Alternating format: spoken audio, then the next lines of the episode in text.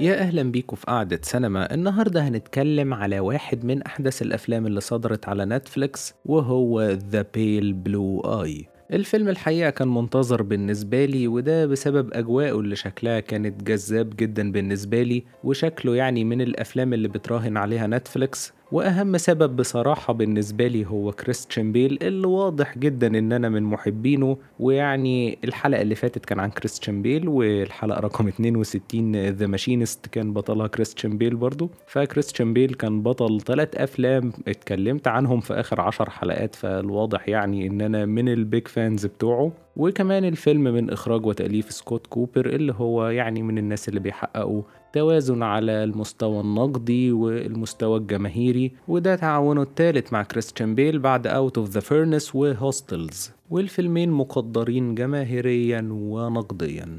وفي رأيي التعاون التالت ده كان جيد جدا وسكوت كوبر عمل شغل كويس كمخرج وكمؤلف وده هنتكلم عنه شوية كده وهيكون بحرية حرق. الفيلم جمع في بطولته مع بيل هاري ميلينج اللي قدم دور كويس جدا وقبل ما ندخل في التفاصيل خلونا نفتكر مع بعض حكاية فيلمنا. فيلمنا بتدور أحداثه سنة 1830 وبيحكي عن الضابط السابق لاندور اللي بيتم استدعائه للأكاديمية العسكرية للتحقيق في قتل أحد طلابها بشكل وحشي جدا وسرقة القلب من الجثة. وبسبب الظروف النفسية والاجتماعية اللي بيمر بيها لاندور بيكون في تشكك شوية في نجاحه في إنجاز المهمة. ولكن لاندور بيتعاون بشكل سري مع الطالب بو اللي بيمتلك صفات غريبة شويتين وظروفه النفسية والاجتماعية مش على ما يرام. وبتبدأ تتضح الرؤية حوالين الجاني في رحلة صعبة بياخدها الاتنين حصل فيها جريمة قتل مشابهة للأولى إلى أن نكتشف عدد من المفاجآت في النهاية. الحقيقة فيلمنا مأخوذ عن رواية ولكن اللي مش عادي في الرواية ومثير شوية إن شخصية بو اللي هي لعبها هاري ميلينج شخصية حقيقية. وبو هو كاتب وشاعر وناقد أدبي. كان دايما مأخوذ عنه انطباع إن أعماله فيها نوع من التخويف والتشويق. وكان بيبدو من كتاباته حسب ما قريت بالظبط إنه روح معذبة. وكان عنده مقولة إن مفيش جمال بدون بعض من الغرابة. والحقيقة هو كان غريب يعني. الرواية اللي اتحولت فيلم كان بو زي ما قلت محورها وحاولت تتخيل أو تمثل الوقت اللي كان شخصية بو بتتحدد ككاتب وبتتشكل. وفيها لمحات من شغله زي الاضطرابات والموت والتراجيديا فكل العقد النفسية دي كانت بنلاقيها في شغل بو. والفيلم حسب كلام مخرجه كوبر حاول إن هو يعكس اللمحات دي في إطار محقق بيبحث عن الحقيقة. والحقيقة الجريمة ما كانتش هي محور فيلمنا بس. هي أكتر حاجة هتشد المشاهد. بس لو الواحد حاول يفكر شوية بعد الفيلم هيلاقي إن الجريمة مش هي المحور بس. في كده themes تانية جوه الفيلم كانت معمولة بشكل حلو. يعني بنلاقي الوحدة اللي بتعاني منها شخصية بو وعكسها بحالته النفسية وإزاي كانت بتتداخل كمان مع معاملة الناس ليه واستهزائهم بيه كحاجات ضاغطة على شخصيته خلت الشخصية عندها فعلا معاناة وكمان مبررات للارتباط بشخصية زي لاندور لاندور هو كمان معاناته كانت كبيرة ووحدته كانت مصعبة عليه حياته وكان ده معكوس في اكتئابه وانعزاله. خاصة أول الفيلم وكل حاجة بره الوحدة دي بنلاقيها زي ما تكون محاولة للهروب من ماضي أليم أو نسيان وضع صعب زي علاقته بالست اللي في البار. فالشخصيتين دول أنا عجبني تصميمهم وعجبني كمان التاريخ اللي اترسم لمعاناتهم وأدى للوضع اللي هم فيه. وبصراحة كان عاجبني موضوع إن بو بيتكلم مع أمه الميتة وبتمليه شعر. حسيت إن ده زود من غرابة الشخصية كانت تفصيلة عجباني وكان بيطلع منها كوميديا لطيفة يعني. الحقيقة الفيلم كمان كان فيه عناصر فنية جيدة جدا. الموسيقى اللي عملها هاورد شور واحد من المؤلفين الجيدين جدا وعمل موسيقى أفلام مشهورة زي The Aviator اللي اتكلمنا عنه قبل كده. الحقيقة الموسيقى كانت مدية مهابة للموقف وده مش أفورة. فعلا كان في بعض اللحظات الموقف كان بيبقى مهيب بسبب الموسيقى. الحقيقة كمان التصوير كان رائع في رأيي ومتناسب مع أجواء الفيلم اللي استغل أجواء التلج والشموع بالليل لأن ما كانش فيه كهرباء في الوقت ده فعكس الإثارة والغموض والتلج كمان كان مخلي الأحداث باين أوي إن هي قد إيه قاسية.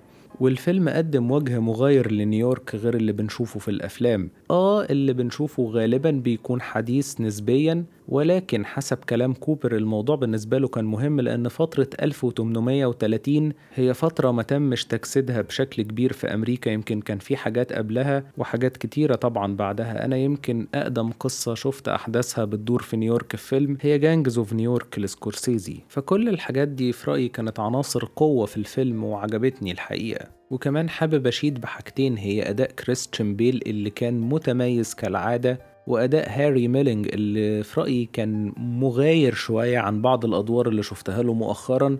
حقيقة هاري ميلينج أنا شفته في The Ballad of Buster Scruggs مع ال Coen Brothers واحد من الأفلام اللي بحبها جدا وقدم شخصية يعني الأحداث اللي بتمر بيها قاسية جدا جدا وكان يعني يمكن فيها شيء من الوحشية كمان. ولكن هاري ميلينج كان قدم فيها دور كويس جدا ومن بعدها شفته في أكتر من حاجة في حاجات بتعجبني وحاجات مش بتعجبني قوي يعني ولكن المرة دي عجبني جدا حتى إن في بعض الناس قالوا إن هو تفوق على كريستيان بيل ولكن أنا مختلف شوية مع الرأي ده هاري ميلينج كان جامد جدا ولكن كريستيان بيل يعني بيخطف الكاميرا وقت ما بيظهر. أداؤه كان قوي جدا وفي تمكن كبير جدا. وشكله كان كمان مهتم بالفيلم بشكل عام لأنه هو واحد من منتجين الفيلم ودي التجربة الإنتاجية التانية السنة دي لبيل بعد فيلم أمستردام والواضح إن هو مهتم إن هو يدعم مشاريع تكون فيها بعد فني مناسب لوجهة نظره ويعني في ناس كتير بيعملوا ده في هوليوود زي براد بيت اللي الواضح إن هو هيتراجع شوية عن الإنتاج حسب بعض التقارير الصحفية. ولكن بيل كمان بالمناسبة بيجهز لتعاون رابع مع سكوت كوبر وشكله هيكون مثير. آخر حاجة حابب أتكلم عنها في الفيلم هي نهايته لأن هي معقدة شوية. بعد اكتشاف إن عائلة ماركوز كانت هي السبب في قتل الناس دي علشان ياخدوا قلوبهم لطقوس سحرية والطقوس دي بتساهم في تحسين حالة بنتهم وإن ده كان هيتكرر مع بو. بنلاقي إن لاندور كان بينتقم لبنته اللي تم اغتصابها على إيد الشباب اللي ماتوا بالإضافة للشاب اللي هرب وإن وحشية العيلة مع الشاب الأول غطت علشان إلاندور ليه حتى إنه اضطر يكرر الحكاية بتاعة القلب دي مع الشاب التاني علشان يلصق التهمة بالعيلة. كل ده بقى حسسني إن رحت فيلم تاني رغم إن الصراحة كانت حبكة الموضوع جيدة إلى حد بعيد وده كان في معظم الأمور اللي اتكلم عنها بيل وهو بيكشف الحقيقة وإجاباته تقريبا غطت على معظم الأسئلة حتى اللي اتقالت في أول الفيلم كشفت كل حاجة تقريبا. والحقيقة الفيلم كان مهتم جدا بإجابة أسئلة كتير كانت بتدور خلال الأحداث وده في رأيي ذكاء وحبكة من كوبر لقصته. بس وأنا بتفرج كده اللحظة حسيت إن الجزء ده مقحم على الفيلم لأن لاندور ما كانش يمكن باين منه حاجة تدل على اللي حصل والعيلة دي باين إنها وحشية أساسا من الأول.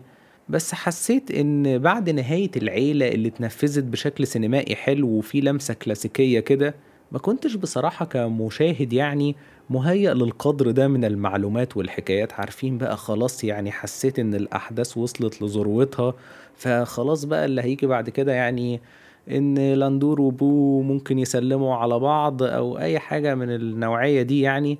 بس لقيت إن لسه في يمكن فيلم قصير تاني. فحسيت إن أنا ما كنتش في اللحظة دي قادر أسمع كل الحكايات دي. بس لما الفيلم خلص كده وقعدت يوم ولا اتنين أفكر فيه على ما جيت أسجل دلوقتي بصراحة فكرت شوية حسيت إن الحكاية دي عجبتني وعلقت في دماغي وفاكر كلام بيل قاله في كام لحظة وأداؤه هو وهاري ميلينج. كان كويس بصراحة. فيمكن الحكاية كانت ممكن تتنفذ بشكل أحسن مش عارف. بس بعد تفكير حسيتها إن هي حقيقي مش وحشة. وعجبني كمان إن الفيلم كان ممكن يقع في فخ إن هو فيلم رعب وبيتكلم عن حاجات سحرية والموضوع يبقى رخيص شوية. ولكن برضه زي ما قلت كان محبوك والتنفيذ حلو.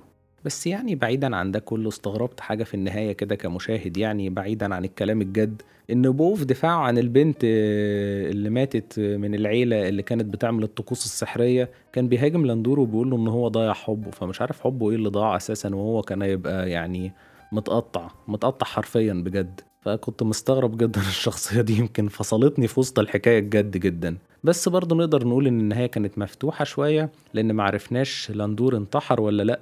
ولا كان بيبعت رسالة لروح بنته إن هو انتقم لها. فلحد هنا خلص كلامي عن الفيلم. أتمنى تكون الحلقة عجبتكم وياريت اللي مش عامل سبسكرايب يعمل علشان توصل لكم الحلقات الجديدة باستمرار. ونتقابل الحلقة الجاية. مع السلامة.